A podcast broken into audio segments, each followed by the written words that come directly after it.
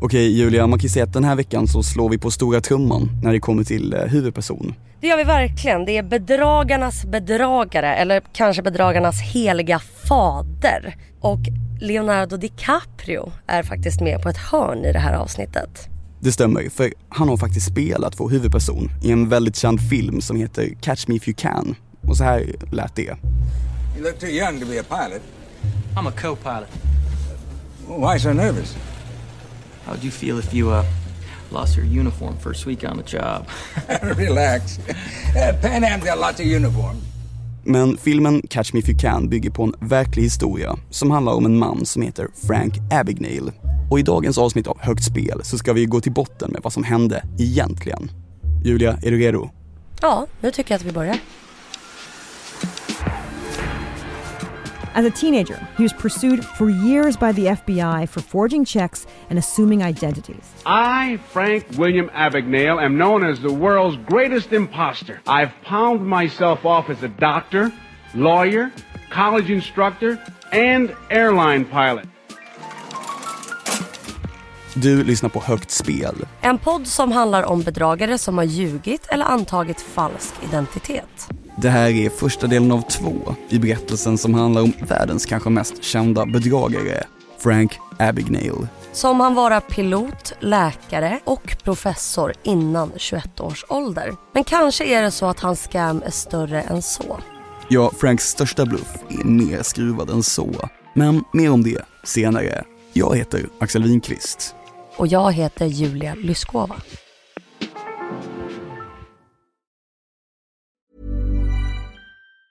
Burrow is a furniture company known for timeless design and thoughtful construction and free shipping, and that extends to their outdoor collection.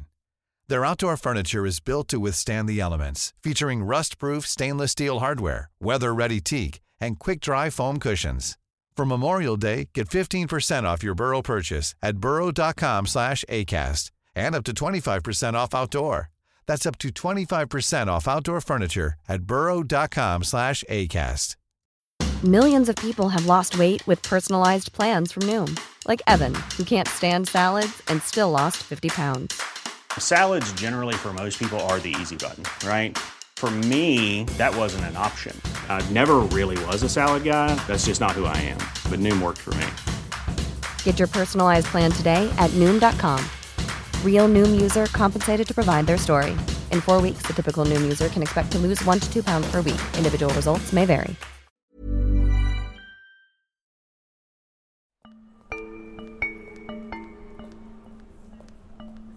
Okej, det är 60-tal. En ung man i pilotuniform står i lobbyn på ett hotell i Paris. Han är bredaxlad och slätrakad och har ett bländande leende. Med andra ord en ung sexig man i pilotkostym. Det låter ju som en dröm. Ja, det är det fler som tycker. För att vara pilot under 60-talet, det är lite som att vara en filmstjärna. Uniformen symboliserar äventyr och makt. Och så även för den här unge mannen i Paris som heter Frank Abagnale. Kvinnan i receptionsdisken på hotellet ler och hälsar god morgon. Frank ler tillbaka och frågar om han kan lösa in en check som han har fått från sitt amerikanska flygbolag. Det är en för den tiden väldigt stor summa pengar på flera tusen. Men det går bra att lösa in checken. Franks uniform är ett tillräckligt bevis för att han är en man att lita på. Frank tar sedan en taxi till flygplatsen. Här visar han upp sitt flygcertifikat och sin legitimation från Pan Am. Pan Am är ett av dåtidens största och mest imponerande flygbolag. Att flyga med dem är modernt, det är lyxigt, det är en riktig Mad Men-stil. Det är alltså motsatsen kan man säga till dagens lågprisflyg där man måste typ stå i mittgången. Frank är på väg till Rom, men det är inte han som ska flyga planet. Utan han ska åka med i det som kallas för jump seat. Det är ett säte i cockpit som kan användas av Pan Ams piloter som är på väg mellan olika flygningar. Ett sorts sista minuten sätt att resa om planet är fullbokat. Det låter ganska trångt men det låter också skönt att slippa de andra passagerarna kanske. Framförallt känns det väldigt nice med gratis flyg. Frank bordar planet som är på väg mot Rom. Han sätter sig i jump seat i cockpit och hälsar på piloterna som ska flyga. De småsnackar lite med varann och sen lyfter de.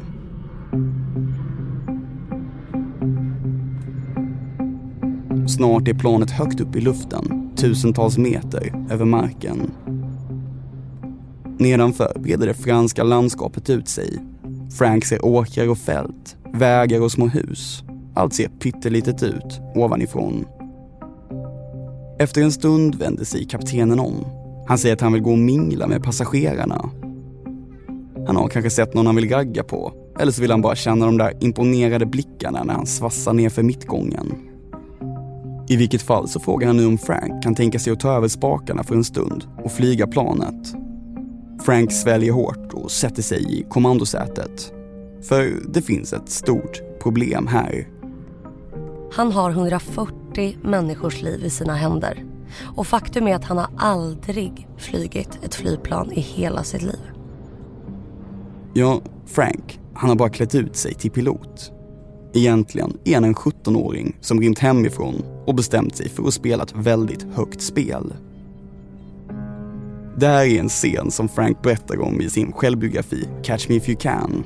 Men vi ska backa bandet och ta det från början.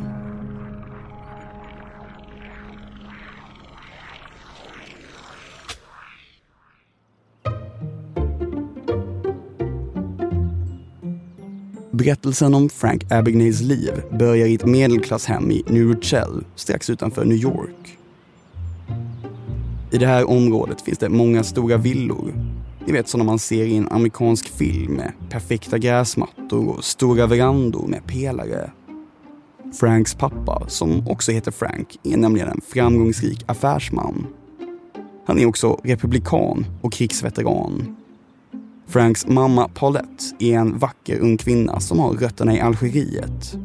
Hon är ganska mycket yngre än Frank Senior. Hon är bara 15 när de träffas.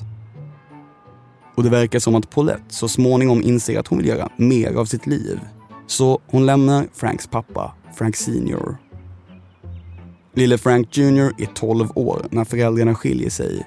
Men han blir snabbt en stor pojke han växer fort och vid 15 års ålder är han över 1,80 och väger nästan 80 kilo. Ja, bredvid sina klasskamrater så ser han mer ut som en lärare. Frank har några busiga år när han hänger med värstingkillar. De snattar godis och smiter in på biografer. Men så småningom så slutar Frank hänga med de här killarna. Och det mesta tyder på att han är på väg åt rätt håll. Ja, alltså han är verkligen ett barn med alla förutsättningar med sin pappas stora kontaktnät och dessutom pengar. Men så får Frank ett intresse och det intresset är tjejer. Han vill bjuda ut dem på dejt, köpa hamburgare och milkshakes, gå på bio och annat som amerikanska ungdomar gör under den här tiden när de ska umgås mellan könen. Och tanken är ju att det är killen som ska betala. Så det blir ganska dyrt. Frank behöver alltså mer pengar till allt dejtande. Så han ber sin pappa att skaffa ett sorts kreditkort som bara kan användas på bensinmackar. Ett så kallat gas card. Ja, Frank är charmig, han har ordets gåva så han lyckas övertala en kille som jobbar på en mack att göra en deal. Dealen går ut på att Frank använder sitt kort med att ta ut kontanter istället för bensin. Det är en enkel scam som egentligen bara blåser Franks egna pappa. Och såklart så märker pappa Frank Senior det här när han ska betala sina räkningar. Efter det här så säger Frank att han blir ivägskickad till en skola för problembarn. Frank spenderar ett år på den här skolan och han beskriver det som ett Porsche internat med lite strängare regler. Men när han kommer hem igen är inget sig likt. Ja, när Frank kommer tillbaka från den här skolan för problembarn så har hans pappa problem med sin business och har förlorat nästan alla sina pengar. Och det här stör Frank, alltså att hans pappa inte längre är rik. Frank drömmer om ett storslaget liv och det verkar ju också som att han är mån om att kunna imponera på tjejer. Så att i den här lilla stan finns det ingen framtid för Frank, tänker han.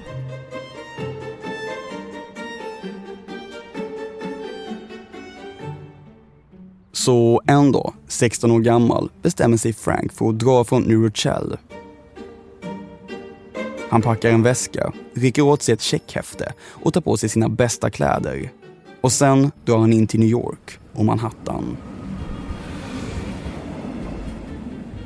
En timme efter att tåget rullat in träffar Frank en kille som är lika gammal som han själv. De börjar prata och Frank fixar så att han kan få bo hos killens föräldrar i några dagar. Frank ljuger för den gästvänliga familjen och säger att hans föräldrar är döda. Så i den här familjens ögon är han en föräldralös stackars pojke som behöver hjälp. Ja, alltså det verkar inte som att Frank har några som helst problem med att ljuga. Och det är också det som gör den här berättelsen lite klurig eftersom vi förlitar oss på Franks ord utifrån saker som han har sagt i intervjuer och i sin självbiografi Catch me if you can. Precis, det är en bra disclaimer, men vi kommer till det lite senare. För nu fortsätter berättelsen så som Frank vill berätta den. Vad har Frank för plan när han kommer till New York? Ja, till en början är planen att skaffa sig ett riktigt jobb. Frank är inte kräsen. Han kan tänka sig att jobba i affär eller vara springpojke. Men ingen verkar vilja anställa någon som är så ung och oerfaren. Och det verkar liksom stå skrivet i Franks panna att han är på rymmen. Han får nej efter nej när han söker jobb. Men Frank verkar ju vara en ganska företagsam kille och visst har han en plan B? Mm, kanske minns Frank nu hur han lyckades skaffa pengar på bensinmacken med sin pappas kreditkort. För det dröjer inte länge förrän han kommit underfund med en ny karriär. Frank kommer på ett sätt att svindla pengar med checkar. Ja, och här kanske vi ska göra en liten paus och informera våra yngre lyssnare om att checkar, det var alltså ett sätt att betala saker förr i tiden. Ni har säkert sett på film hur folk säger “Can I write you a check?” Det är alltså en liten papperslapp man betalade med. Det är precis det som Frank har börjat hålla på med nu. Bara det att han skriver ut checkar till sig själv. Han har lite pengar på banken, men när de tar slut, då bara fortsätter han att lösa in checkar.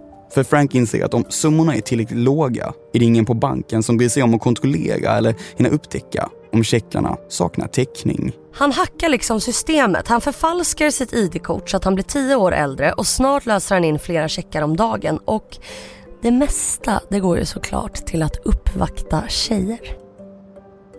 Det är inga stora summor som sagt, men Frank klarar sig. Han lever livet i New York. Han är bara 16 år gammal och har nu pengar på fickan. Nästa avgörande ögonblick i berättelsen om Frank är när han får syn på en pilot utanför Commodore Hotel på 42 gatan på Manhattan. Den här piloten är på väg ut från hotellet tillsammans med fyra vackra flygvärdinnor. De skrattar och flygvärdinnorna ser ut som vackra fjärilar, tycker Frank. Det är som om tiden stannar. Piloten har nästan en gloria runt sig. En upphöjd person som får lyssna blickar av både kvinnor och män. Kugghjulen börjar arbeta i Franks hjärna. En pilot har trovärdighet. En pilot är respekterad. En pilot får alla tjejer Axel. En pilot skulle kunna lura vem som helst.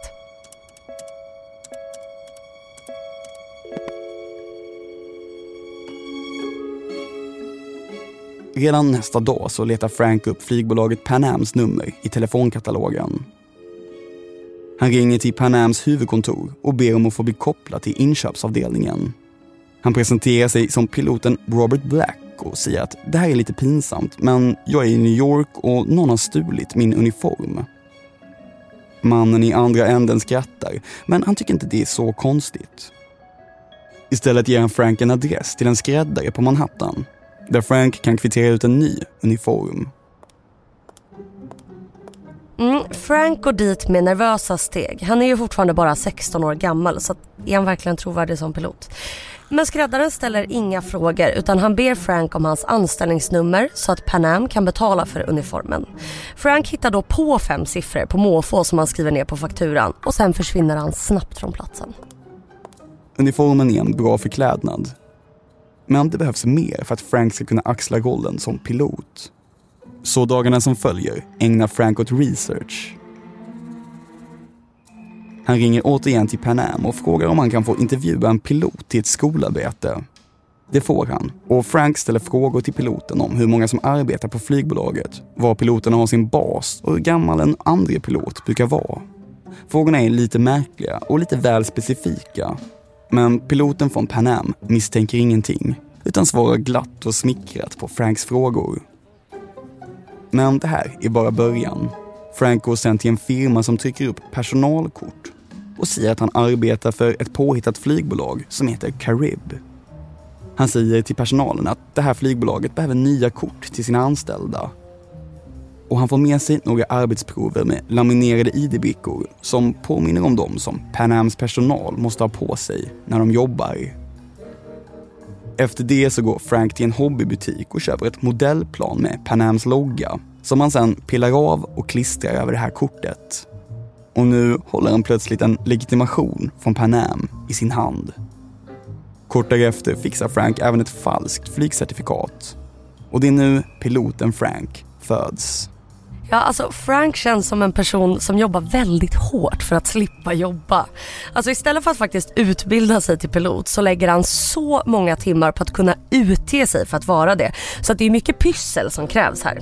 Nu är han ju visserligen bara 16, han hade ju aldrig kommit in på någon pilotutbildning redan nu, men ändå. Frank är liksom driven fast på lite fel sätt.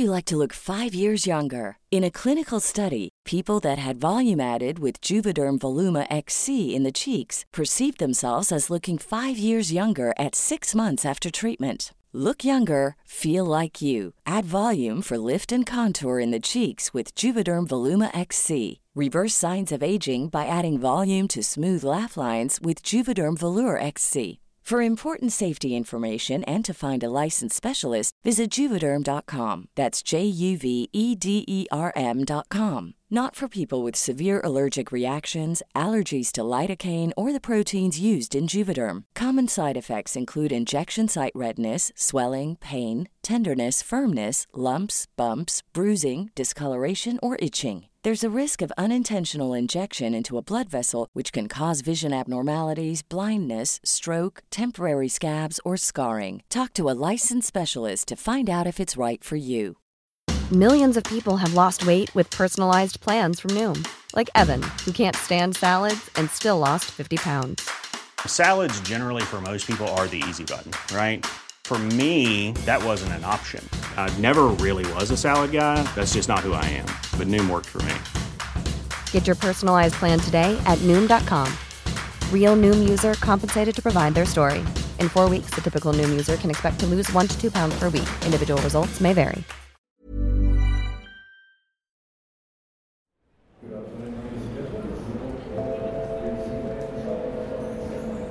Frank börjar med att hänga runt på flygplatsen LaGuardia i New York. Han pratar med flygvärdinnor och försöker lära sig snacket. Hur folk som arbetar med att flyga pratar om olika flighter och flygplansmodeller. Dessutom löser han in falska checkar från Pan Am. Så småningom tar Frank mod till sig. Han går fram till incheckningsdisken och ber om att få flyga till Miami i jump seat. Alltså det här sätet i cockpit som kan användas för piloter på väg hem eller till en annan flygning. Frank visar upp sitt förfalskade Pan Am-lägg och sitt certifikat. Och det funkar. Han får följa med på nästa flight till Miami. I cockpit så snackar han med de riktiga piloterna och ingen genomskådar honom. De tror att han är en kollega, när han i själva verket är en tonårskille som nu på ett mycket avancerat sätt kommit på hur man kan flyga gratis genom landet.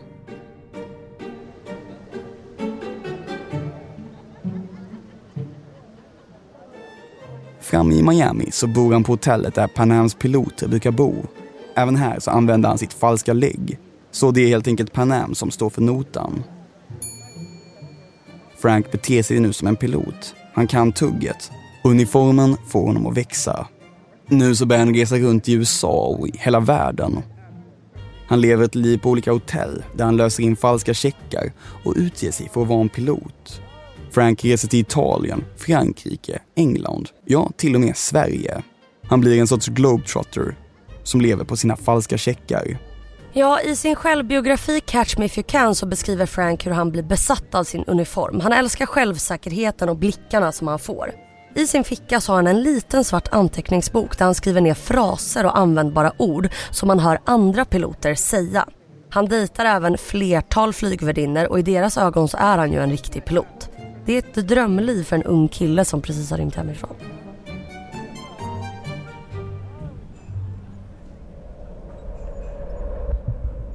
Men alla de inlösta checkarna som Frank använde sig av har lämnat ett spår. Och nu så börjar FBI leta efter Frank. Det börjar högt upp i luften. Frank flyger ännu en gång Jump City Cockpit och han är på väg till ett nytt hotell och svindlar med sina checkar. Vi kan föreställa oss molnen och himlen utanför. Stillheten. Då börjar plötsligt flygtornet anropa piloterna som flyger planet och ställa frågor om deras medpassagerare, den unge piloten som är Frank.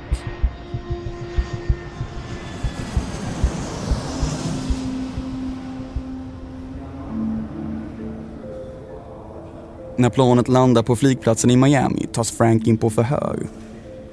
Han visar upp sin fejkade licens för FBI's skeptiska agenter.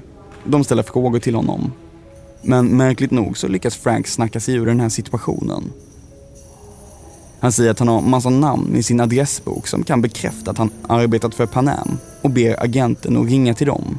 Och eftersom personerna i telefonboken är personer som arbetat för flygbolaget och känner Frank intygar de att han är pilot. De som är hans kollegor borde ju veta. Så FBI släpper Frank. Efter det bestämmer han sig för att ligga lågt ett tag.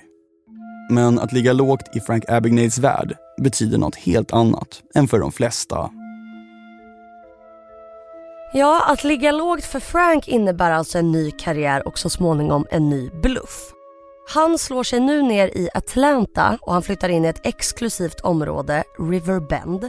Och det är ett modernt lägenhetskomplex med gym, bastu och pool.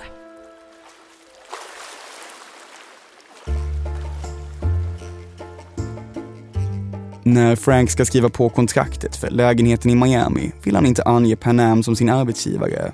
Han har ju nästan blivit påkommen. Så istället säger han att han arbetar som läkare och att han är specialist på barn. Men nu har han tagit tjänstledigt för att forska lite på universitetet i Atlanta.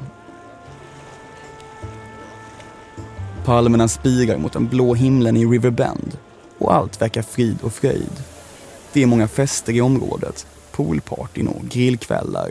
Franks grannar kallar honom för doktorn och de är väl jätteglada att ha en så ung och trevlig läkare i grannskapet. Jag hade varit väldigt glad som den hypokondrikern jag är. Men när grannarna ber honom om råd och medicinsk expertis så svarar han undvikande att hans läkarlicens inte gäller här i delstaten Georgia. Fram tills en dag en ny granne ringer på. Det är en prydlig man i 50-årsåldern som heter Willis Granger. Och han arbetar som läkare, på riktigt. Dessutom är han chef över hela barnavdelningen på ett sjukhus i Marietta som ligger nära Atlanta. Frank gör det han är bäst på. Han ljuger när Willis frågar vad han utbildat sig och gjort sin praktik. Och Willis, han bryr sig såklart inte om att kolla upp om Franks berättelse stämmer. Tvärtom så blir han glad över att träffa en kollega och han bjuder in honom till att besöka sjukhuset i Marietta. Frank börjar hänga på sjukhuset, han börjar dejta en av sjuksköterskorna på Willys avdelning och han börjar också låna böcker i det medicinska biblioteket. Det gäller ju för Frank att hålla sig uppdaterad som en ung ambitiös barnläkare även nu under hans påstådda tjänstledighet. Nu inträffar något som hade fått vilken bedragare som helst att börja darra av rädsla för att bli avslöjad.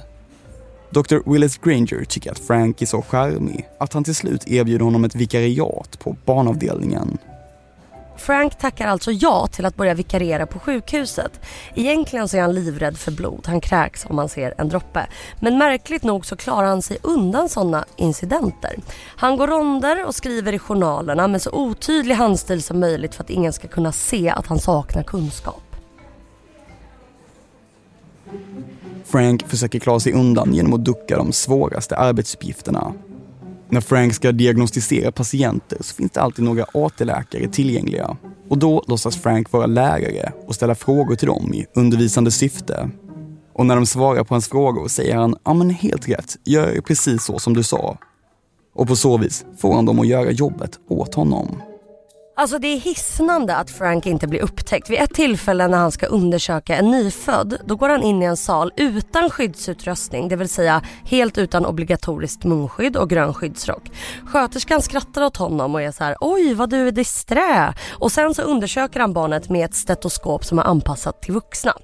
Men det är väl så hierarkiskt på ett sjukhus och särskilt tänker jag på den tiden att ingen vågar ifrågasätta en läkare med pondus. Ja, en riktig läkare borde ju ha kunnat avslöja Frank inom loppet av några minuter. Men det händer inte. I alla fall om man ska tro på Franks berättelse. Men det håller på att gå riktigt illa när han en dag blir kallad till akuten för att hjälpa ett spädbarn som drabbats av akut syrebrist.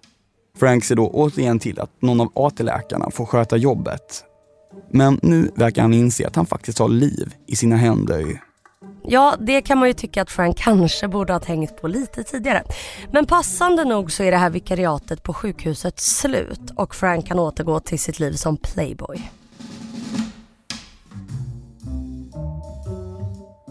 Frank har alltså testat på att vara både pilot och läkare och han är bara 21 år gammal. Vad är det som driver honom? Pengar eller äventyr? Eller både och? Trots sina avancerade bluffar får vi inte glömma att han är en pojke som rymt hemifrån. Och nu står han ännu en gång utan plan. Men en sak är konstant i Franks liv och det är hans stora intresse för tjejer. Så Frank tar nu upp bekantskapen med en av flygvärdinnorna som han lärde känna under sin tid som fejkad pilot. Och det är en kvinna som vi kan kalla för Emily. Emily hon bor i en stad i amerikanska södern och när de börjar dejta så flyttar Frank dit. Emily verkar vara en ganska smart tjej och kanske är det därför som Frank säger till henne att han har en examen i juridik från Harvard. Han säger att han pluggade där innan han bestämde sig för att bli pilot och att han aldrig hann börja arbeta som jurist innan han började flyga. Emily hon köper det här rakt av och det kanske är en sån sak man faktiskt vill tro om den man dejtar. Jag menar det är en jackpot med en kille som är både pilot och har en examen från Harvard. På en fest stöter Frank och Emily på en bekant till Emily som på riktigt arbetar som jurist hos Åklagarmyndigheten i den delstat som de nu befinner sig i. Det är en man som säger att hans arbetsplats just nu söker efter nya jurister och om Frank är intresserad så kan han lägga in ett gott ord för honom. Det skulle den här mannen inte ha gjort. Ja, och så är hjulet igång igen. Frank går till en hobbybutik och köper pennor, penslar, lim och en vass papperskniv. Sen så sätter han upp en liten verkstad. Han skär ut loggan från Harvards katalog och lyckas sen skapa ett diplom som faktiskt är väldigt likt ett riktigt. Man måste ju tänka på att det här är långt innan Photoshop så för att lyckas med det här måste man nog ha lite konstnärlig begåvning i alla fall. När Frank är klar med sitt avancerade pyssel skickar han sitt falska examensbevis till Åklagarmyndigheten och söker jobb. Antingen är de lättlurade eller så har de aldrig anställt en jurist från Harvard förut, för de godtar diplomet.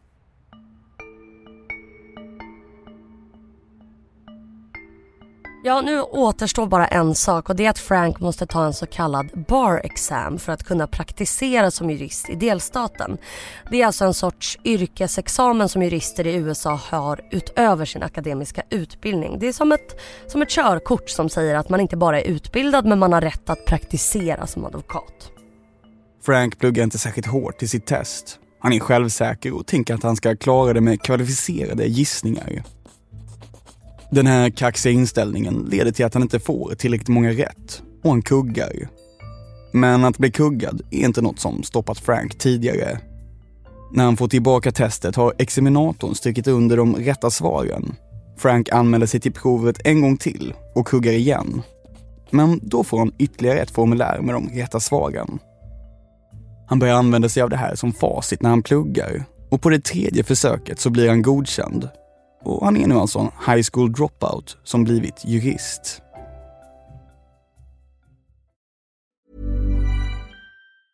Hey, it's Danny Pellegrino from Everything Iconic.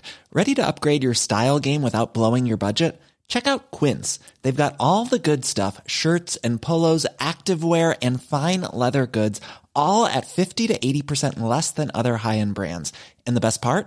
They're all about safe, ethical and responsible manufacturing. Get that luxury vibe without the luxury price tag. Hit up quince.com slash upgrade for free shipping and 365 day returns on your next order. That's quince.com slash upgrade. Planning for your next trip?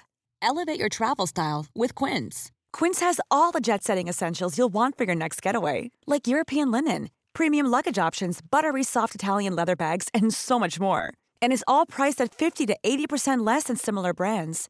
Plus, Quince only works with factories that use safe and ethical manufacturing practices. Pack your bags with high-quality essentials you'll be wearing for vacations to come with Quince. Go to quince.com/pack for free shipping and 365-day returns.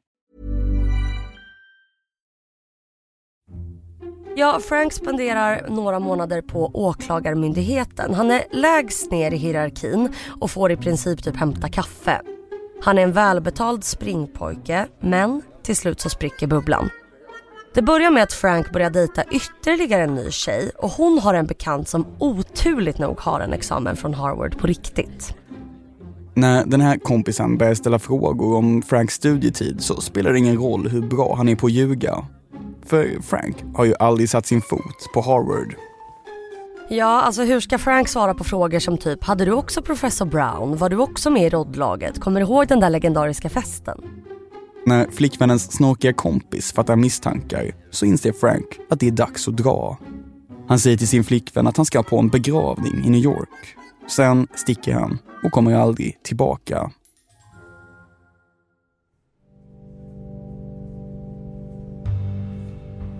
Det går några månader. Frank börjar fundera på om han ska börja plugga igen. Fast den här gången på riktigt. Han är ju inte ens 25 och han har hela livet framför sig. Så kanske är det dags att göra rätt för sig och förändra livet. Han gör några studiebesök på olika universitet och blir framförallt lockad av de snygga tjejerna som går där. Men så hittar Frank en annons om ett lektorsjobb i sociologi vid ett universitet i Utah. Det är ett vikariat för en professor som ska vara ledig. Frank förfalskar ännu ett examensbevis och arbetar sen som professor. Så länge Frank håller sig några kapitel före studenterna så är det ingen som ifrågasätter hans kunskaper. Folk tror att han är en ung akademiker som är kapabel till att undervisa när han i själva verket är yngre än många av studenterna i klassrummet.